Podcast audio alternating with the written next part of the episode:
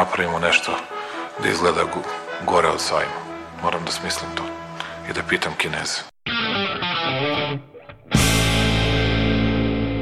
I've today left hospital after a week in which the NHS has saved my life. Ne mogu da verujem da narod koji je preživao sankcije, bombardovanje, svakojako maltretiranje će se uplašiti najsmesnijeg virusa u istoriji čovečanstva koji na Facebooku postoji. And now I'm better and maybe I'm immune, I don't know. Dobro večer. Mene su poslali iz štaba. Ja ću vam pomoći. Aleksandar Kocić Jelena Viser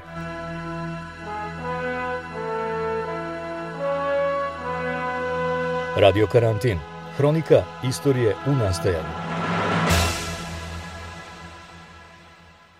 Pandemija COVID-19 odnosi ljudske živote i stavlja nacionalne zdravstvene sisteme pred velika iskušenja. Istovremeno, pandemija je u velikoj meri zaustavila i naš svakodnevni život i samim tim uticala i na ekonomiju. Kakve su ekonomske posledice ovog istorijskog događaja koji još uvek živimo i šta su naše vlasti preduzele da nas zaštite od gubitka radnog mesta i prihoda? Koliko znamo o merama koje su preduzete i da li su one adekvatne? Odgovore na ova pitanja tražimo u današnjem 20. izdanju podcasta Radio Karantina. Ja sam Aleksandar Kocić, a moji gosti danas su profesori Ekonomskog fakulteta u Beogradu Jelena Žarković i Mihajl Arandarenko, njihov kolega iz Vizbadena u Nemačkoj Raša Karapandža, urednica magazina Nova ekonomija Biljana Stepanović i direktor Sarajevskog centra za razvojne evaluacije i društvena istraživanja Nermin Oruč. Duže verzije razgovora sa svakim od današnjih gosti objavit ćemo narednih dana. Naći ćete ih na našoj web stranici radiokarantin.eu ili na platformi na kojoj nas inače slušate.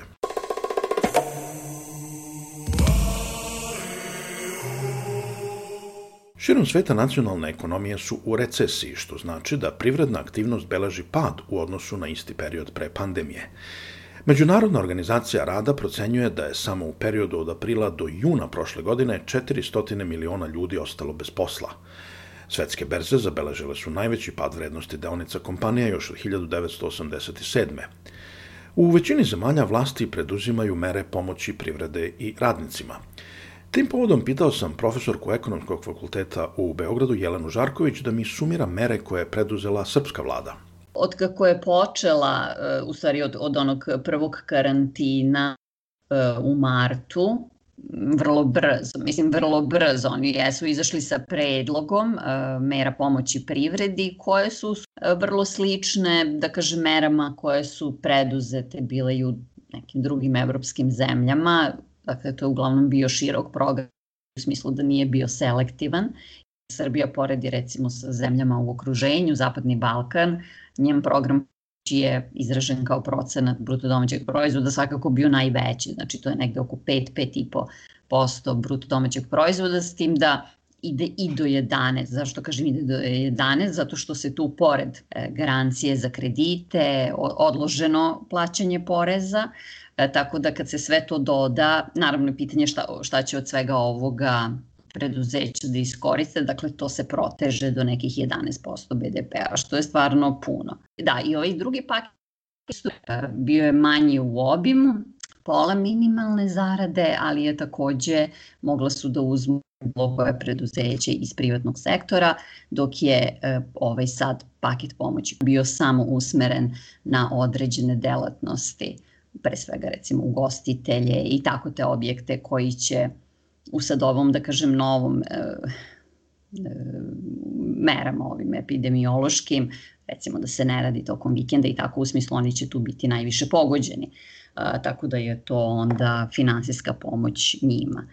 I ne samo to, bila je isto, da kažemo, od tih selektivnih mera pomoć e, hotelijerima, tako da, kažem, od, oni, od onog prvog i drugog paketa koji su bili onako generalni, za ceo privatni sektor, sad se već išlo ka selektivnim merama, što opet kažem je slično kao i što su radili i druge zemlje, Nemačka kad je najavila e, ove nove epidemiološke mere i Austrija, ja mislim, e, rekli su da će nadoknaditi promet u gostiteljskim objektima nekih recimo 80% prometa koji su imali u ovo vreme prošle godine. Koliko je merljiv efekat takvih mera?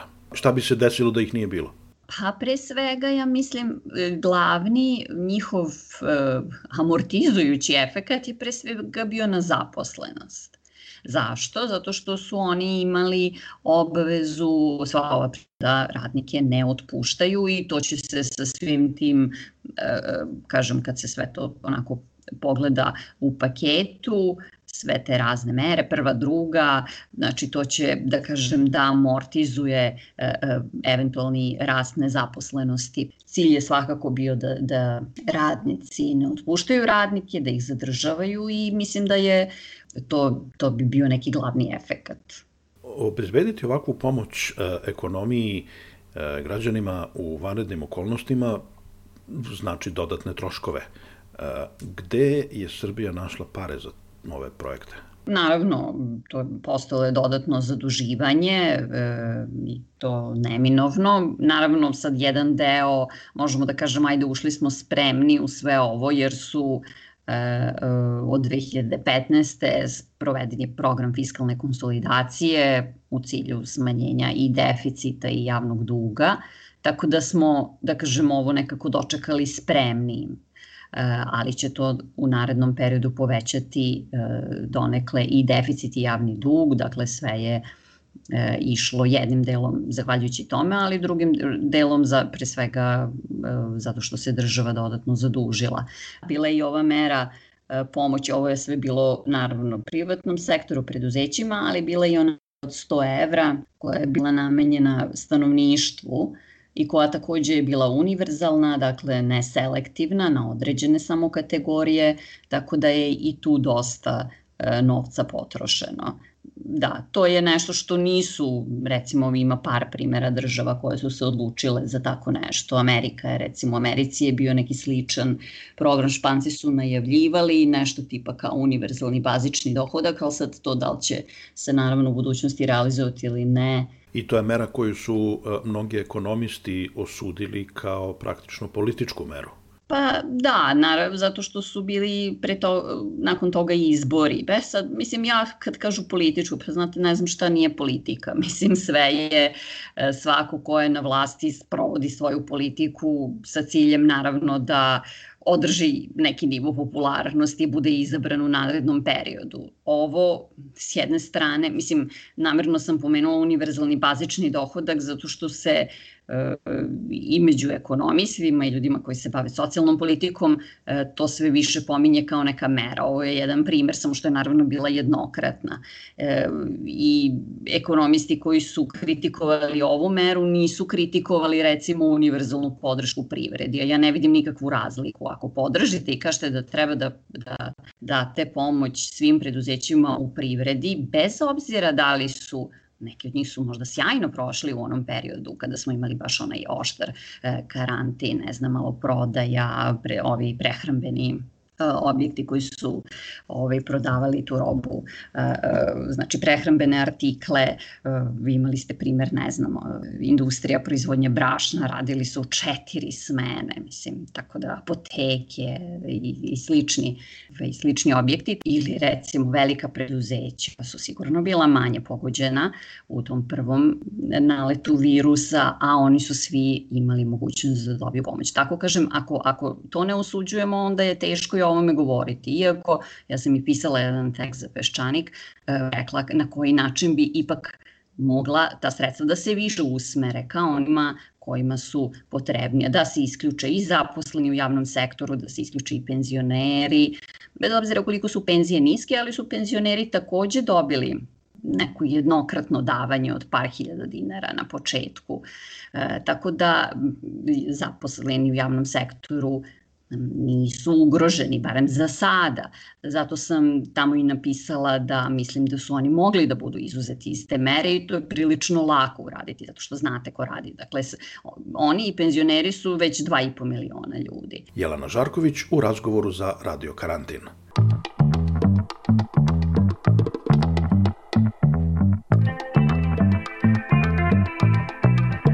Radio Karantin. Urednica magazina Nova ekonomija Biljana Stepanović smatra da je srpska vlada nakon dobrog početka napravila nekoliko grešaka i očekuje veoma tešku 2021. Vlada Srbije je na samom početku pandemije, ja mislim, dobro reagovala u smislu da su svim zaposlenima u preduzećima podeljene po tri plate, minimalne naravno. Preduzećima je odloženo plaćanje poreza i doprinosa za ovu sledeću 2021. godinu. Ove plate su date e, pod uslovom da poslodavci narednih, mislim, šest meseci ne otpuštaju zaposlene. U tom prvom talasu je, ja mislim, to bilo dosta dobro e, i da bi se preduzeća, naročito ova mala, slabija, relaksirala, ali i u psihološkom smislu, jer je to bio šok. E, sve posle toga mislim da nije dobro rađeno. E, počev od podele po 100 evra e, svim punoletnim građanima Srbije, za to je država Srbija potrošila 650 miliona evra i to novca koji je pozajemljen dakle iz kredita svi ekonomisti i fiskalni savet su upozoravali da se to ne radi, da je to štetno, međutim vlada je na tome istrajala, predsednik države naravno. Zašto? E, zato što se to baš nekako zgodno pogodilo pred parlamentarne izbore. E, posle toga ja mislim da je bilo vremena već da se nekako ovaj da kažemo tako, presabere vlada, jer ako u prvom trenutku ne znate šta vas je snašlo, ako ne znate dok će pandemija da traje, ako je ceo svet u panici, ova prva mera je bila dobra. Ali posle toga je trebalo da se pogleda koji su to sektori koji su najviše ugroženi, koje su to delatnosti koje ne mogu da rade, da se pomoć uputi njima, da se novac iz budžeta ne troši ponovo na još dve plate za sve zaposlene i da se prosto targetira recimo koji su to sektori hoteli po velikim gradovima, e, transport, ugostiteljstvo, e, organizacija raznih događaja, dakle koje su to delatnosti koje zaista ne mogu da rade i kojima se pomaže, umesto da se svima ponovo dodeli novac, što se pokazalo kao bacanje para. Pa koje su najugroženije delatnosti u Srbiji? Pa, dakle, upravo ove koje sam rekla. Pošto ljudi nisu mogli da idu na letovanje, a baš, je, baš se pogodila letnja sezona, ostali su u Srbiji i onda su uh, turistički centri izvan Beograda, Kupaonik, Zlatibor i tako bili bukvalno prepuni. Ono je bilo leglo zaraze. Čak sam i ja otišla, pa sam videla kako izgleda i brzo sam se vratila kući. Dakle, ti hoteli i ugostiteljski objekti su uh, imali još i dobit je tako? Ali hoteli u velikim gradovima, restorani, e, kafići, razne uslužne delatnosti, turističke, ceo turistički biznis, Oni su pretrpeli velike gubitke, neki od njih i ne rade, puno njih se zatvara i po Beogradu i po Srbiji i oni su ti kojima je pomoć neophodna. Zato i služi vlada da prosto identifikuje one koji su najviše pogođeni i da se njima pomogne. Umesto toga pomoć je dodeljena svima, a ovi kojima je rad ili zabranjen ili zbog po prirodi stvari onemogućen, nisu čak oslobođeni ni plaćanja poreza i doprinosa. I ja mislim da ćemo cenu toga tek da, tek da vidimo u mesecima koji dolaze. Mi vidimo velike probleme svuda u svetu, uh, uključujući i Evropsku uniju, koja je najveći trgovinski partner Srbije. Uh, koliko mislite da će to što se dešava u susedstvu imati negativne uh, efekte na srpsku ekonomiju? Pa morat će da ima i to u najmanje dva aspekta. Jedno je to što je i Evropska unija naš najveći spoljnotrgovinski partner i okolne zemlje po prirodi stvari. E, pošto je kriza sada svetska, tu taj nedostatak mi ćemo morati, dakle taj, tu krizu koja sledi ćemo morati da osetimo. To je jedan aspekt. Drugi aspekt su strane investicije. Mi smo se dosta oslanjali na strane investicije, one su prethodnih godina bile solidne, zato što je između ostalog vlada Srbije davala i velike subvencije investitorima da bi došli kod nas e, i to je bio neki, da kažemo, substitut činjenice da mi nemamo pravnu državu, nemamo vladavinu prava i da poslovni ambijent nije dobar. E, sada takođe zbog krize sve zemlje očekuje se da će da se negde zatvaraju u sebe, već postoje preporuke koliko mi ovde čujemo stranih vlada svojim kompanijama da radije ulažu u sobstvene zemlje, da spašavaju svoje radna mesta, nego da izlaze i da investiraju u drugim zemljama i to će da dovede do neminovnog smanjenja stranih investicija. Domaće investicije s druge strane bile su jako slabe i ranije. Zašto? Zato što domaći privrednici znaju da je ambijent loš, da pravna sigurnost ne postoji, da ako niste povezani sa vlašću, vi ste dosta izloženi i u rizičnom ste položaju i njihov odgovor na to bilo je malo investiranja. I treća stvar, jako bitna, koju nikako ne smemo da zanemarimo, to su doznake naše dijaspore iz inostranstva. Doznake su ovde bile veliki izvor deviznog priliva, taj novac je dosta pomagao ljudima u Srbiji povećavao njihovu kupovnu moć i pomagao im da da lakše prežive. Sada je pitanje šta će biti sa ljudima u dijaspori, da li će oni da pretrpe posledice krize, da li će ostajati bez radnih mesta i da li će i koliko biti u stanju da sada e, šalju novac da pomažu svoje rođake. Kad to sve uzmete u, u obzir, kao i činjenicu da se Srbija zaista u poslednje ovih godinu dana ozbiljno zadužila. Ja ne znam kako ćemo mi da preguramo godinu, ali ono što mogu da kažem to je da neće biti lako. Biljana Stepanović, urednica magazina Nova ekonomija.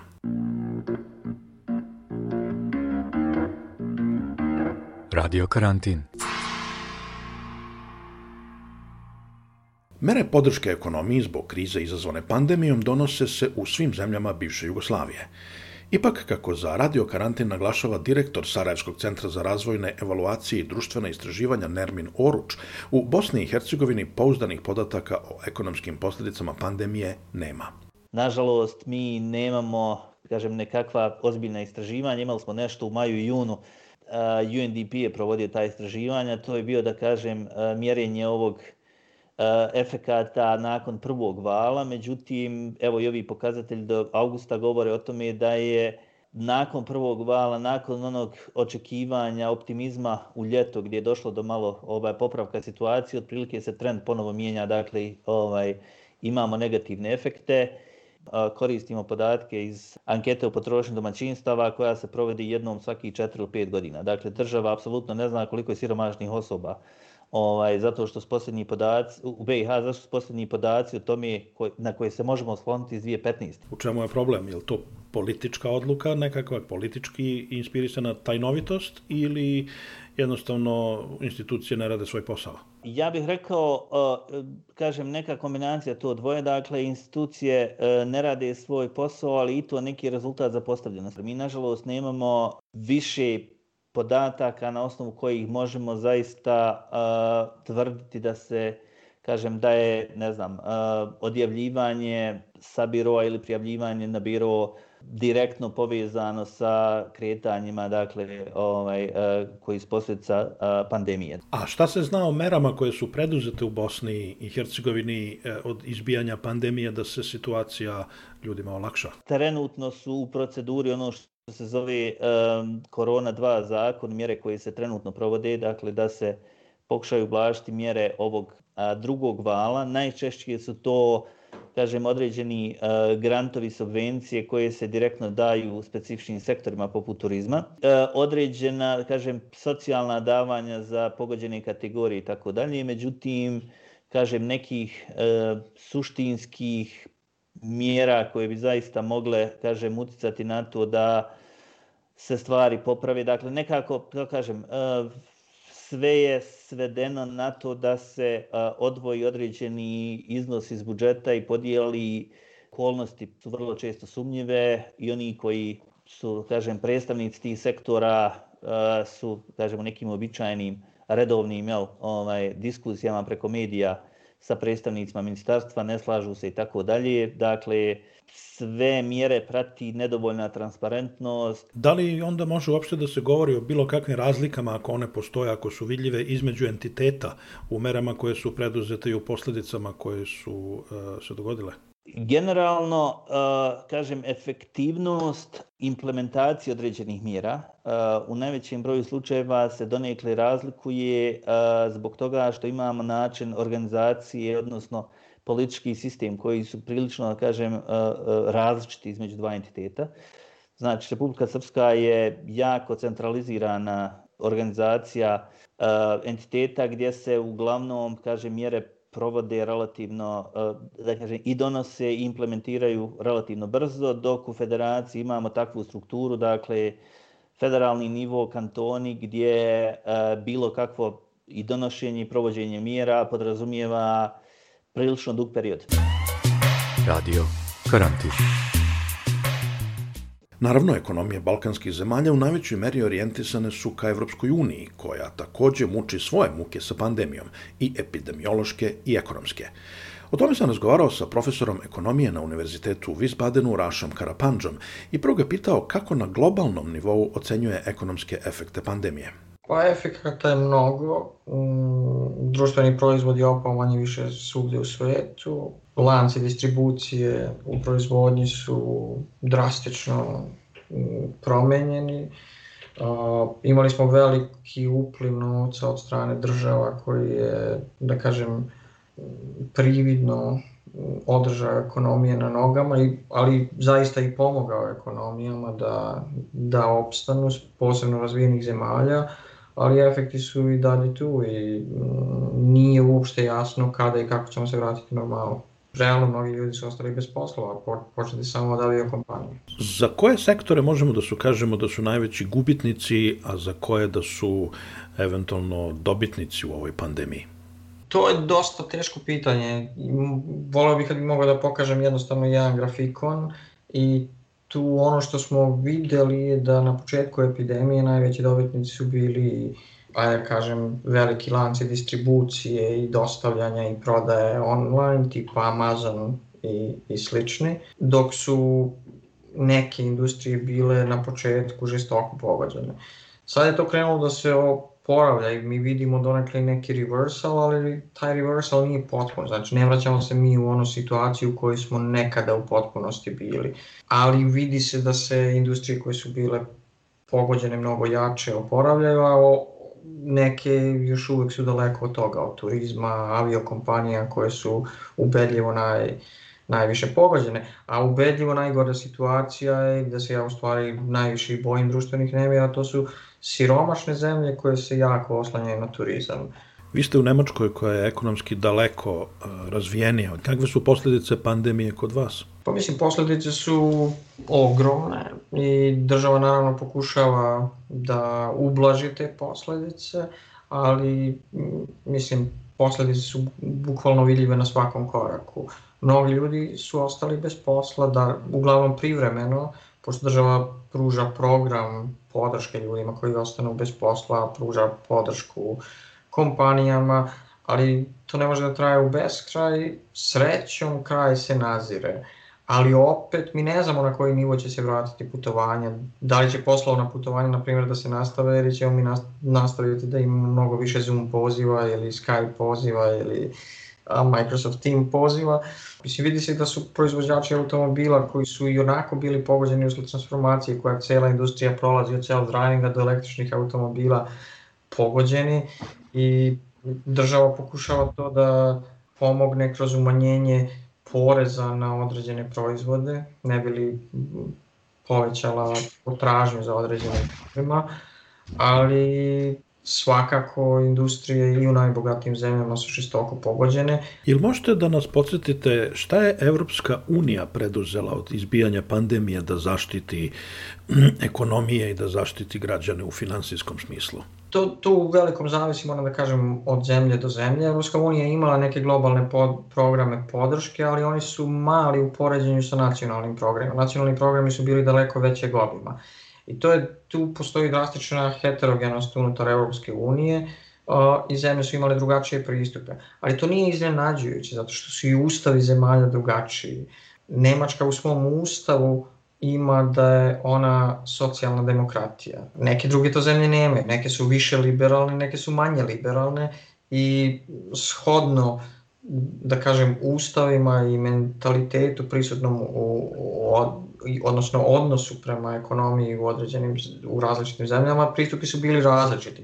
Glavni metodi podrške su bili podrška nezaposlenima, onima koji su direktno pogođeni gubitkom posla i pokušaj posticanja rasta potrošnje kroz poreske olakšice. Znači ono što mislim da je jako bitno, da ne radi se samo o ekonomskim posticajima, da bi ekonomija funkcionisala. Ja mislim da je iluzorno govoriti da će samo ekonomski posticaj. Mislim da je prvi korak je kontrola epidemije, držanje epidemije na nivou sa kojim je moguće živeti. Evropska unija e, kao celina i većina pojedinačnih zemalja članica uh, ući će u recesiju ili je već ušla, u svakom slučaju očekuje se ekonomski pad, kakve to posledice onda može da ima po zemlje na Balkanu koje su neminovno okrenute na Evropsku uniju, kojima je Evropska unija u suštini najveći trgovinski partner?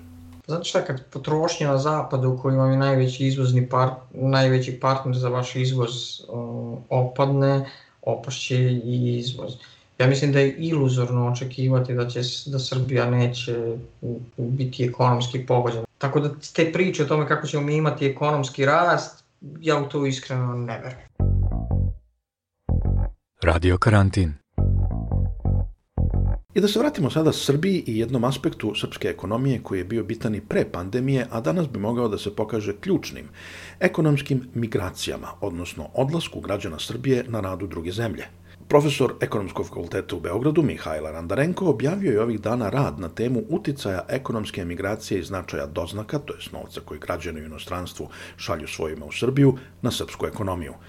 Pitao sam profesora Randarenka da mi kaže šta su glavni rezultati njegovog istraživanja. E, pa, moji glavni zaključci su da zapravo su emigracija i doznake na neki način mogu da se sagledaju kao definišuće karakteristike srpske ekonomije, odnosno u svakom slučaju dovoljno jak, imaju dovoljno jak uticaj na funkcionisanje ekonomije Srbije i da ne može ona da se u potpunosti sagleda, a da nismo razumeli kako, e, kako funkcionišu i koje su dimenzije ova, ova dva naravno usko povezana fenomena toga. Znači uvek se govori naš BDP je toliki i toliki, međutim e, postoji drugi e, ekonomski agregat koji se zove bruto raspoloživi nacionalni dohodak i on u sebe uključuje tu komponentu doznake. Kada gledate doznake,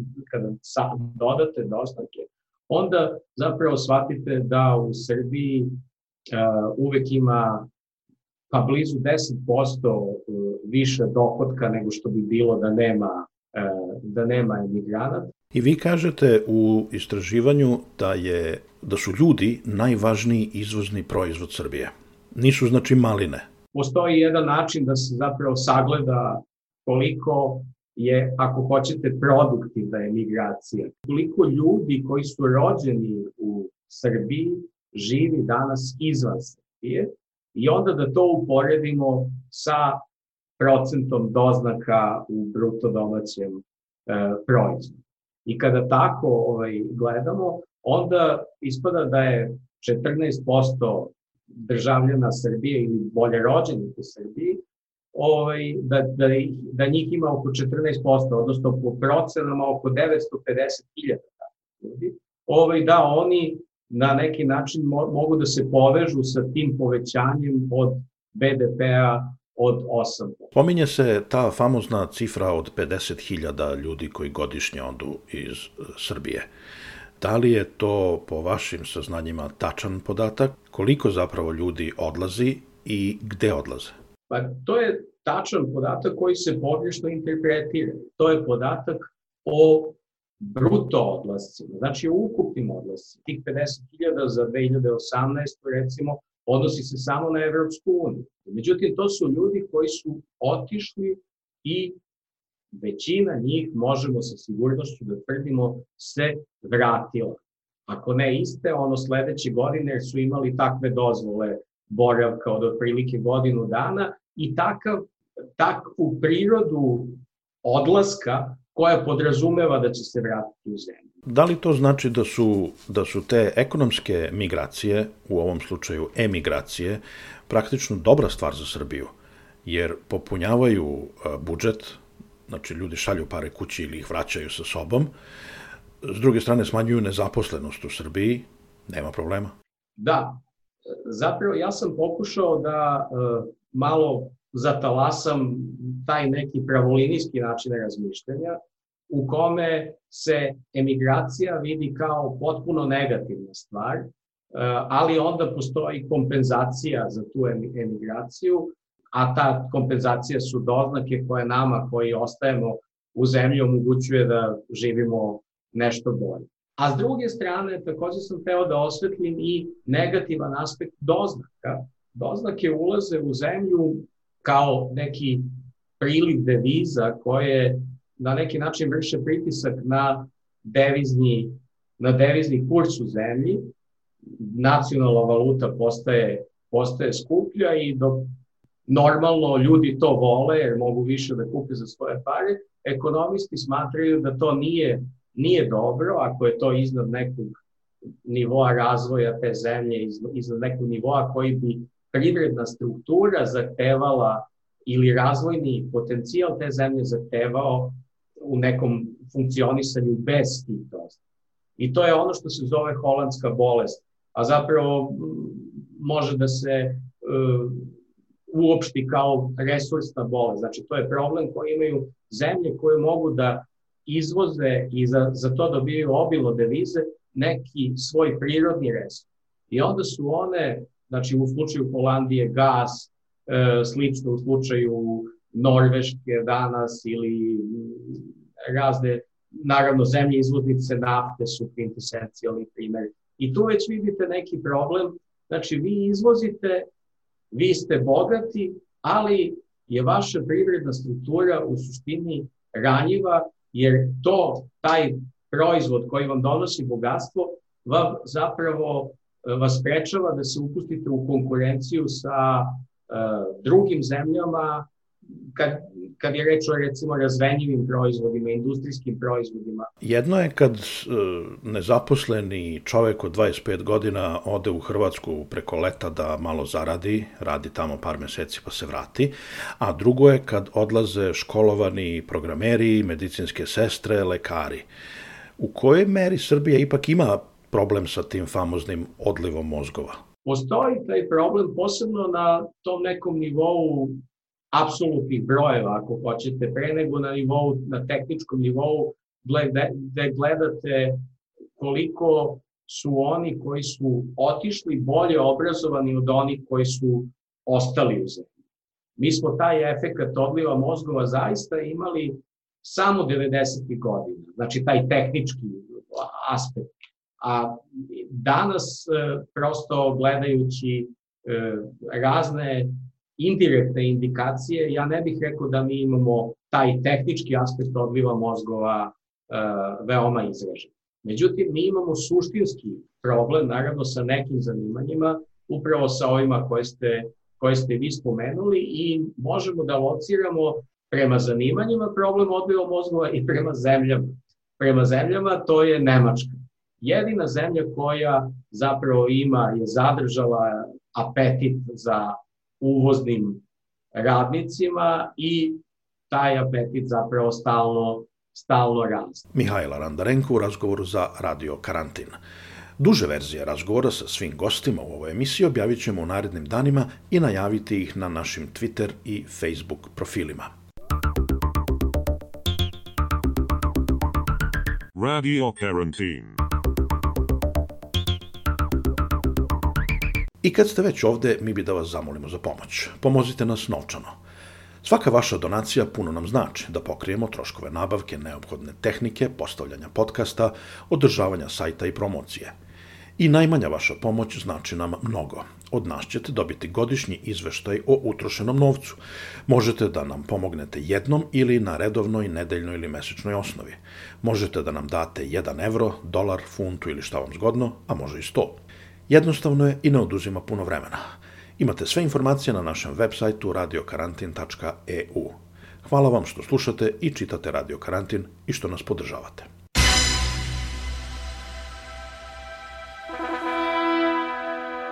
Moramo da napravimo nešto da izgleda gore od sajma. Moram da smislim to i da pitam kineze. I've today left hospital after a week in which the NHS has saved my life. Ne mogu da verujem da narod koji je preživao sankcije, bombardovanje, svakojako maltretiranje će se uplašiti najsmesnijeg virusa u istoriji čovečanstva koji na Facebooku postoji. And now I'm better, and maybe I'm immune. I don't know. Dobro večer. Mene su poslali iz štaba. Ja ću vam pomoći. Aleksandar Kocić. Jelena Viser.